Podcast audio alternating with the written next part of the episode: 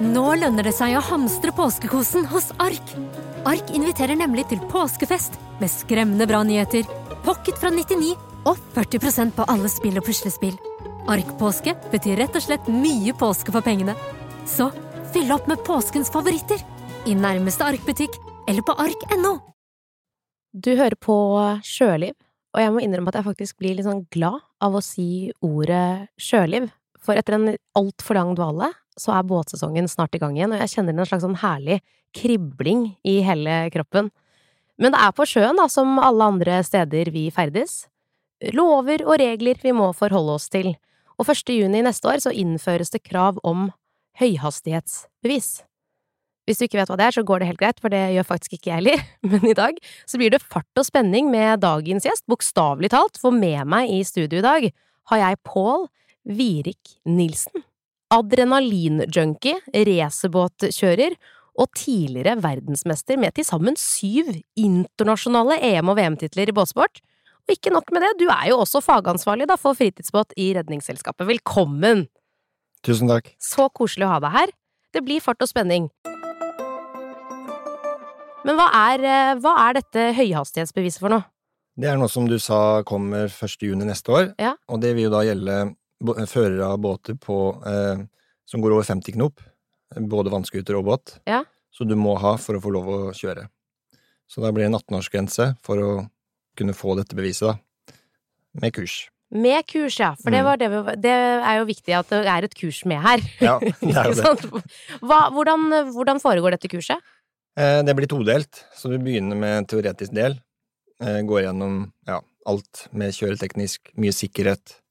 Det er jo et holdningsskapende kurs.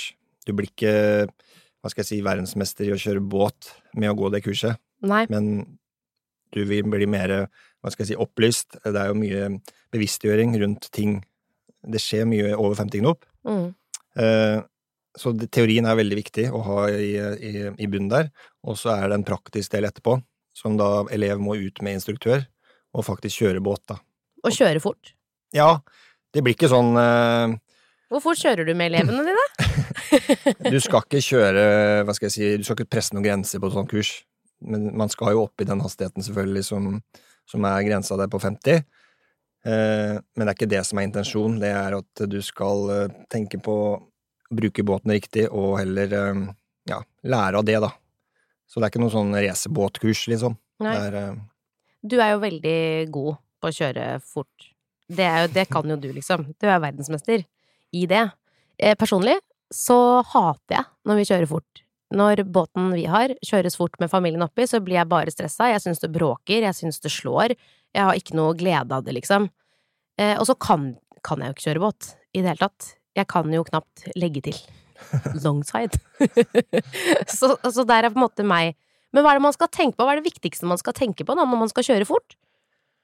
Nei, først og fremst er det jo å vite hvilken båt man sitter i, da. Det er jo mange typer båter og vannskutere på markedet. Mm. Og det å vite hva måte du kjører, er pri én. Eh, det som er litt mystisk med båt, er jo at ingen båter er like. Selv innenfor samme merke så er det forskjell på å kjøre høyhastighetsbåter. Fordi at eh, små forskjeller som hvor motoren er montert, eh, om det er innenbordsmotor, utenbordsmotor, åssen propell man har Det er veldig mange parametere der som kan spille inn på åssen den båten oppfører seg. Ja. Så det å vite litt om det er eh, viktig. Og så er det som du sa i stad med eh, mennesker som er med om bord som passasjer. Ja. Det er ikke noe gøy hvis Nei. ikke du er eh, komfortabel og stoler på han som står bak spakene. Eh, det er et stort problem. Ja. At, og det lærer man på kurset, hvordan man skal håndtere passasjerer.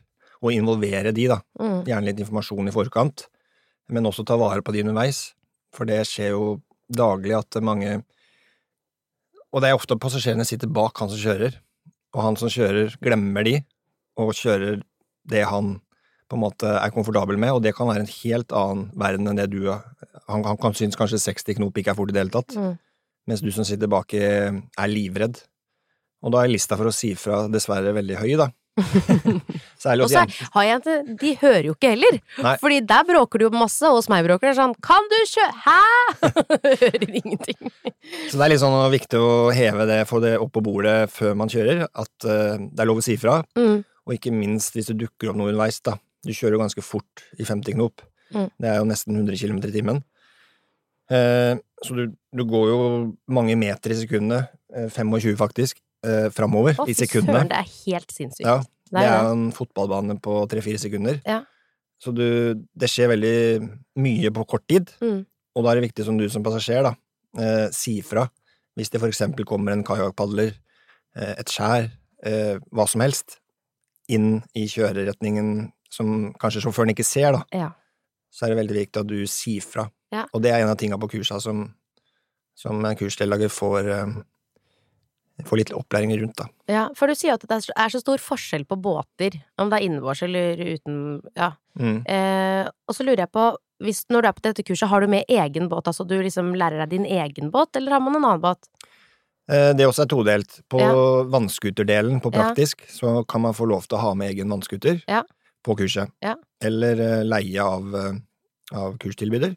Men på båt så er det kun kursbåten til instruktør som kan brukes. Som kan brukes, ja. Ja. Og det kan jo være litt synd, for det er mange som vil ha opplæring i egen båt, selvfølgelig, Ja. i samme slengen. Ja. Men det må eventuelt tas med instruktør uh, utenfor det offisielle kurset, kan du si da. Mm. Men når du skal kjøre fort, hva er det viktig å tenke på? Hva er liksom Hva er fallgruvene? Hvor kan, når kan det gå ordentlig gærent, da? Uh, de, hva skal jeg si, ulykkesmessig så er det jo kombinasjon av eh, dårlige holdninger, som jeg nevnte i stad. Mm. At man er litt sånn eh, eh, uviten, da. Mm. At man ikke har kompetanse, og gjør ting som båten ikke tåler. Mm. Går for fort inn i en sving, for eksempel. Kjører for fort inn i bølger. Eh, bruker powertrim og de verktøyene man har om bord, feil. Hva er powertrim? Powertrim. Powertrim er eh, kanskje det viktigste verktøyet da, man har om bord i en båt når Ja. man kjører. Ja. Det blir litt som eh, hva skal jeg si, giret på en bil. Da Mm. Da må du gire første, andre, tredje, fjerde. Ja, for jeg vet at vi har noe sånn, men jeg har aldri skjønt Det er sånn, da må du opp med de trimflapsa, og jeg skjønner ingenting. Jeg bare Ja. trykker på det han sier, for jeg, vet, jeg skjønner egentlig ikke hva de gjør, jeg. Nei, det balanserer båten, for å si det enkelt. Ja. Om du skal få baugen ned eller opp eh, når du kjører. Og Mm. da er det viktig å vite når du skal gjøre det, og hvor, hvor- hvorfor. da. Mm. Jo fortere du kjører, jo mer må du trimme baugen ned for at båten løfter seg i baugen. da. Ja, ja. Luftmotstand. Så den blir rett. Yes, så Ja. den legger seg med. Og så har du mange elementer som spiller inn på hvordan du skal trimme båten riktig der. Mm. Du har noe som heter step under båten på høyhastighetsbåter. Det er da noen hakk, for å gjøre det veldig enkelt språk her nå, da. Ja, det må du bare gjøre. Det, det, det, så er det noen hakk i skroget Ja. som tilfører luft til kjøreflata. Eh, som er på moderne båter, og Mm. nesten samtlige båter som går over 50 knop i dag, har sånne stepp under. Og for at de skal fungere, så må de være i vannet, og Mm. da må du kjøre ganske flatt med skroget, da, for å tilføre luft under. For da har du mindre friksjon, og så går det fortere. Mm. I gamle dager så var det ikke stepp, og da kunne du på en måte komme opp til en viss hastighet, så stoppa skroget fordi at det, det var for mye friksjon. Så kom steppa, og da gikk det fortere, kan du si. Da gikk det fortere. Ja, og det er ikke farlig i seg selv, men det har skjedd en del ulykker eh, opp igjennom i åra som eh, steppa har fått skylda, fordi at eh, du har fått tverringsulykke, at du, båten tverrer en sving, da, Mm. hardt, Ja. og at det er for mye luft under båten. Det er en kjørefeil, hvis det skjer da. Det er en kjørefeil, det er ikke, det er ikke trinnenes feil. Nei. Nei. Så båtene er ikke skumle i seg selv, eller det er, det ikke de som er farlige, men det er liksom kombinasjonen med en fører som ikke vet hva han gjør, Mm. som er skummelt. Er- det noe man kan gjøre Altså, vi har jo ikke en båt som går så fort eh, som det som beskrives her, med, med tanke på dette beviset og sånn, men er det noe man kan tenke på som fører Altså, er det noe det er lurt å tenke på, eller man bør være klar over når man kjører fort? Hva er det som skjer med båten når man kjører litt fortere, liksom?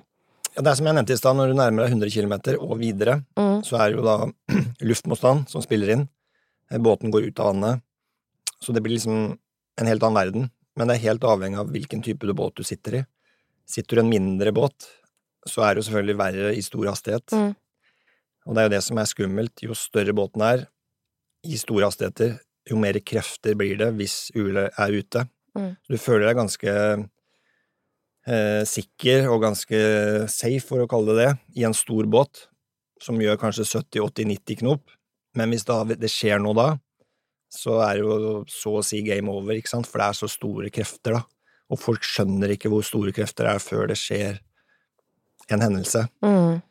Eh, og det som er litt dumt med båt, er at du kan ikke trene på disse tingene sånn som du kan med bil, ikke sant. Med bil så kan du dra på glatt- glattkjøringsbanen og, og lære deg å sladde bilen og i, i ordentlig, om, eh, hva skal jeg si, sikre omgivelser, da. Mm. Det kan du ikke med en båt. Nei. Så selv jeg som har kjørt så mye båt som jeg har gjort, blir jo en passasjer i en sånn type tverringsulykke, for eksempel. Så greier ikke jeg å, å ratte den inn så lett som jeg kunne gjort i en bil, da. For det er så uforutsigbart. 20 nye sparetips hos Kiwi. Mitt aller beste sparetips er First Price familiepizza. Garantert billigst i Kiwi. Nå får du 1 kilo First Price familiepizza til 59,90, 900 gram First Price stekte kjøttboller til 59,90 og mange andre First Price-nyheter hos Kiwi.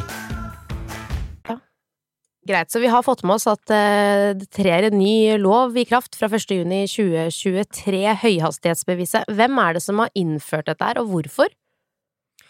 Nei, det er jo regjeringen og departementet, holdt jeg på å si, som har bedt Sjøfartsdirektoratet om å utbedre de første omgang, da.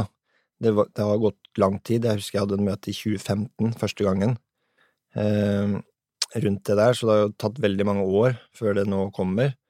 Eh, og så har da Sjøfart eh, sammen arbeidsgruppe som jeg har vært deltaker i, utarbeida hele læreplanen, alle eh, hva skal jeg si, reglene og innholdet i, i kurset eh, sammen. Så, og så har Redningsskapet vært hva skal jeg si, veldig positiv til det her. Du kan si Bakgrunnen for det er jo at båtparken i Norge har jo blitt veldig mye raskere de siste åra, Mm. og ikke minst vannskuter som har kommet inn. Og det er jo nesten ikke en vannskuter som går eh, under 50 knop. Veldig mange av de går over 50 knop. Eh, sånn at det er behov for, eh, for mer kunnskap rundt de som skal kjøre over 50, er jo, det er jo ikke noe tvil om det.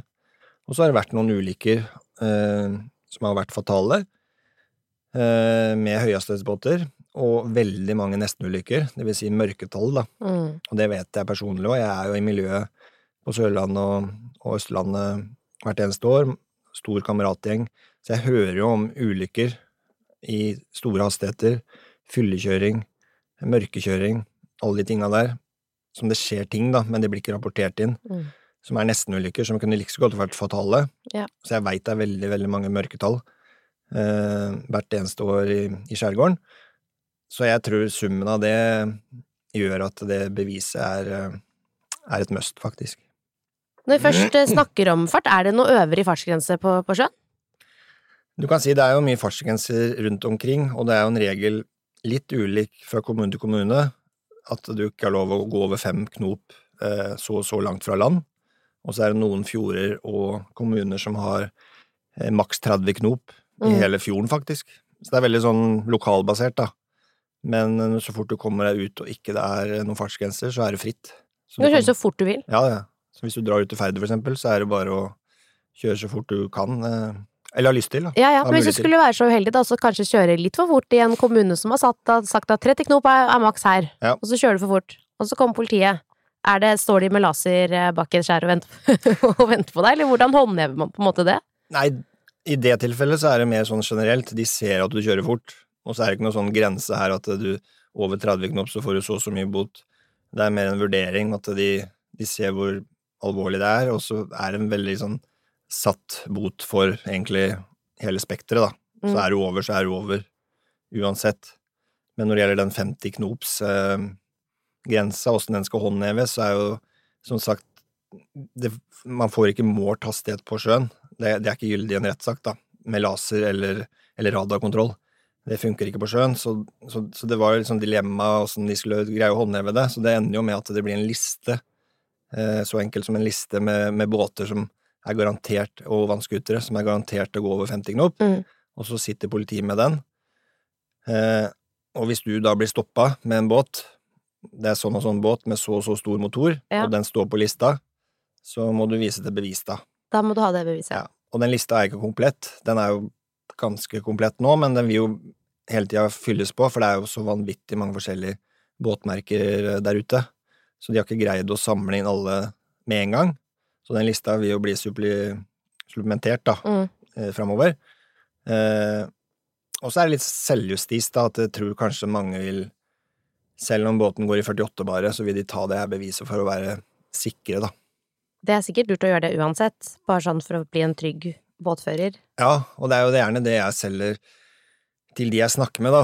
Eh, mange er jo litt negative til eh, Mange båtfolk, for å kalle de det, er jo veldig negative til kunnskap, kurs og sånn. Ja, Eh, for de føler det mer som sånn åh, takk, nå må vi Ja. det òg, liksom. Nå har det gått fint helt til nå, og så må jeg drive og ta sånn båtførerprøve, Ja. og jeg må ta det og det kurset og sånn, så man føler nesten at man blir påtvunget dette her. Ja, og mange ser jo på sjøen og båtlivet som det siste fristedet man har, Ja. og da er Da føler jeg at det er en trussel mot det, da, men jeg må bare si at uh, det er, akkurat når det gjelder høyhastighetskjøring og det beviset her, så tror jeg det er veldig positivt, jeg. Fordi at uh, jeg har hatt mange på kurs før som er redde for båten sin. Det vil si at de har en veldig rask båt, men de er ikke trygge på den, da. Mm. Og det viser gjerne ikke utad, ikke sant. Det er gjerne en mann For det er litt flaut. 40-50 pluss i Sin beste alder. sin beste alder, og har en båt som går kanskje 70-80 knop, Ja. og kjører den som man uh, ikke har gjort annet, men innerst inne så er den livredd. Og det er ma mange tilfeller på det. Eh, og så går de på kurs, og så sier de da etterpå at, at de ikke har gjort det før. For hver gang jeg er ute i båten nå, så veit jeg hva jeg driver med, Mm. føler meg trygg på at jeg kan gjøre det og det, i sånn og sånn hastighet. Så det er jo egentlig bare vinn-vinn uh, med et sånn type kurs, da. Men det er ikke alle som ser det ennå. Hvor, hvor, hvor bestiller jeg et sånt kurs? Ja, nå er det jo ingen tilbydere foreløpig. Det vil jo da starte første ja, andre uka i juni i Mhm. år. Så kan man begynne å ta kurset. Eh, teorien er jo enten eh, digitalt eller i klasserom. Mm. Og så er det den praktiske delen som jeg nevnte i stad, som er på sjøen. Ja. Og da blir det jo ulike tilbydere eh, rundt omkring. Sjøliv er jo en, en plass, en portal, så man kan også bestille instruktører til å, å ta disse praktiske delene da, i Mm. dette beviset. Ja, for det tenker jeg sånn, en ting er jo den teoretiske delen, men det er jo noe med å komme seg ut og faktisk gjøre den praktiske delen av det, hvor du virkelig får, får øvd og lært, da. Ja, og det er kanskje den som er viktigst. Ja. Og det som, som vi i Redningsselskapet har eh, etterlyst og etterstreber, da, det er jo det at eh, man blir ikke noe bedre båtfører av å sitte i et klasserom eller å ta et nettkurs. Ok, du lærer teorien, du lærer åssen en stake ser ut, eller sånn, Mm. men det å komme seg ut i båt og se det i virkeligheten, og føle litt på kreftene, er jo verdt veldig mye mer. Så du blir jo ikke noe ferdig utdanna båtfører og hatt båtførerbevis, eh, for å si det sånn. Nei, nei, man gjør ikke det i det hele tatt. Det kjenner jo jeg veldig mye på, eh, Ja. som ikke tør å kjøre båt ennå. Jeg vegrer meg, blir veldig glad når du sier at en mann på 40-50 er egentlig er livredd innerst inne når han Ja. skal kjøre fort. Sånt blir jeg glad av, da, kan du si. Eh, noe som går igjen, er jo selvfølgelig forsikring. Mm. Eh, forsikringsselskapene vil jo ofte vite hvor fort eh, båten din går og sånn. Hvorfor det? Nei, det er jo litt sånn selvfølgelig med pris eh, har vært før, at, eh, at det er jo selvfølgelig dyrere å forsikre en båt som, som går fort. Eh, nå vil det jo heller være at eh, du må ha sertifikatet for å kjøre den båten, Mm. hvis den går over 50, da. Mm. Så jeg tror nok de fleste vil få spørsmål om hvor fort båten går, og da er det jo opp til forsikringstageren å si Å være ærlig. den gjør 52 eller 48, ikke sant? Ja. Sier du 48, så slipper du? Ja, du gjør jo i prinsippet det, Ja. men jeg vil jo påstå du får et problem hvis det smeller, da. Hvis Ja. du havner opp i en ulykke, og det blir litt gransking og etterforskning på det, og det viser seg at den båten din går 60 knop, da, så vil du jo få et problem hvis ikke du har beviset da.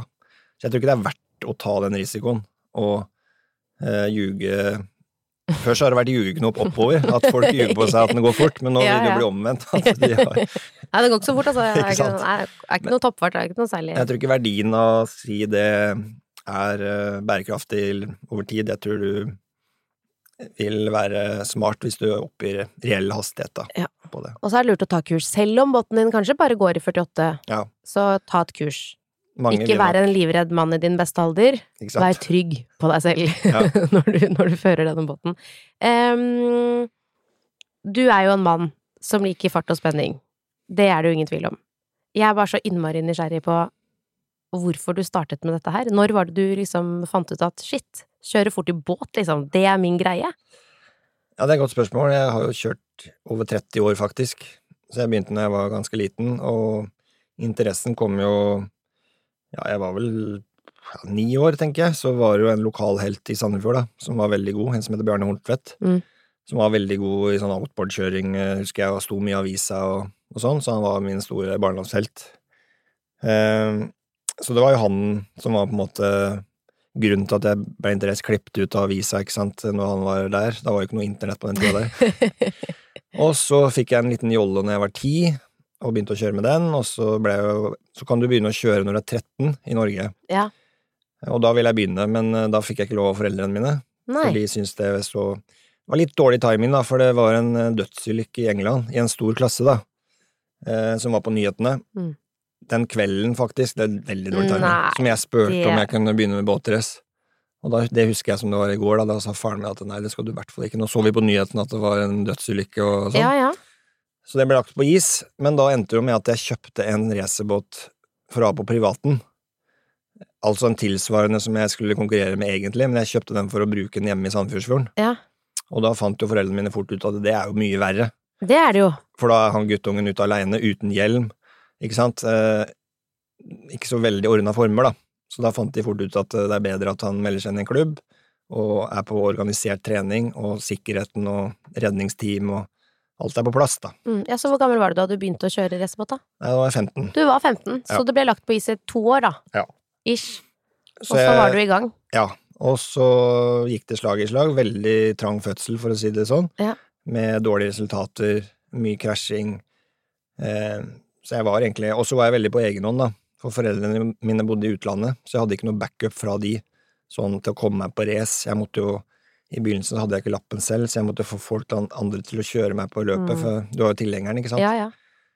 Eh, og så er det jo veldig materialsport, så du må ha kontakter med tanke på propell, eh, trimming av motor. Mm. Det er masse sånne ting som også er viktig, da. Det er Ja, ikke bare båtkjøringa, Nei, så det er masse andre ting.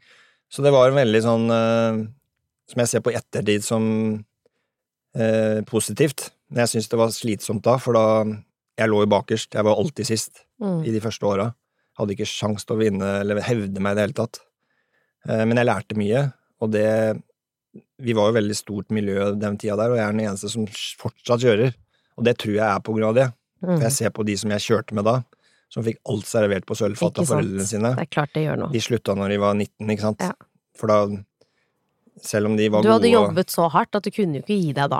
Nei, og så hadde jeg mye som du motivasjon hadde. videre. Ja, Får du alt servert på sølvfat, så blir ting kjedelig etter hvert. ja, det Du tar jeg. ting for gitt. Mm.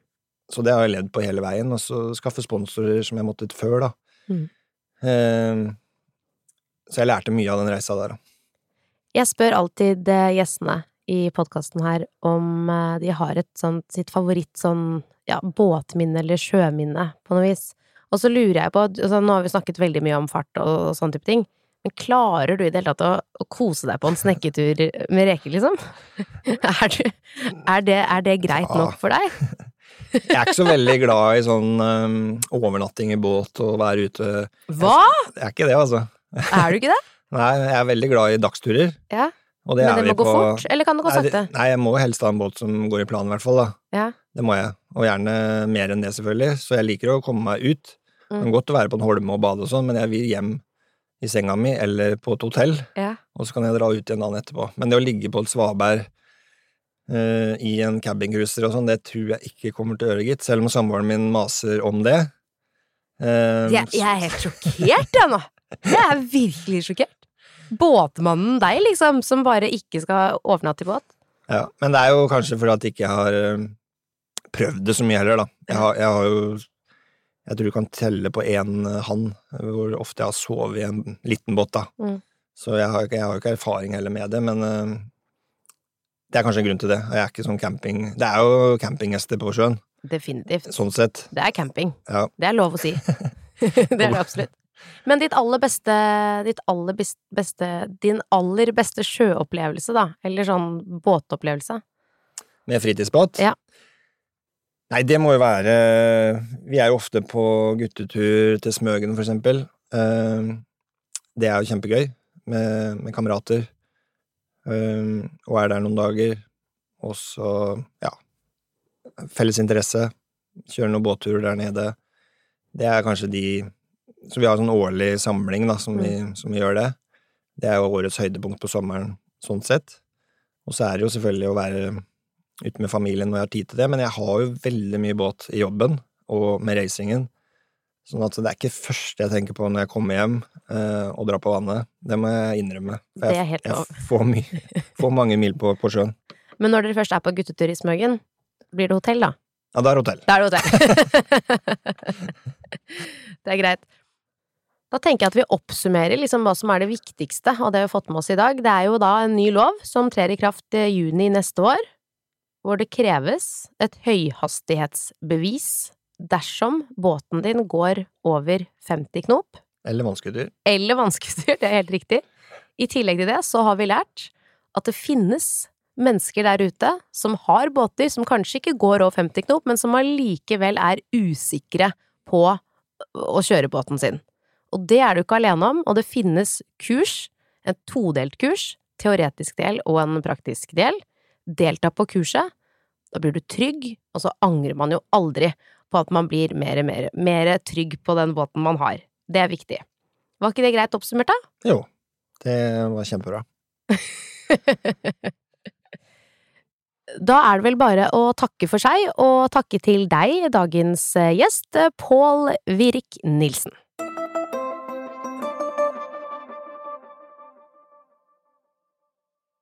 Kiwi er billigst i VGs matbørs og har vært billigst i fire av de fem siste VGs matbørser. Og nå presser vi prisen på påskevarer fram til 1. april. På 591 gram Toro vaffelmiks presser vi prisen fra 35,90 helt ned til 26,90. På 410 gram Lerum jordbærsyltetøy presser vi prisen fra 29,40 helt ned til 22,90. For det er vi som er prispresserne. Og vi i Kiwi gir oss aldri på pris.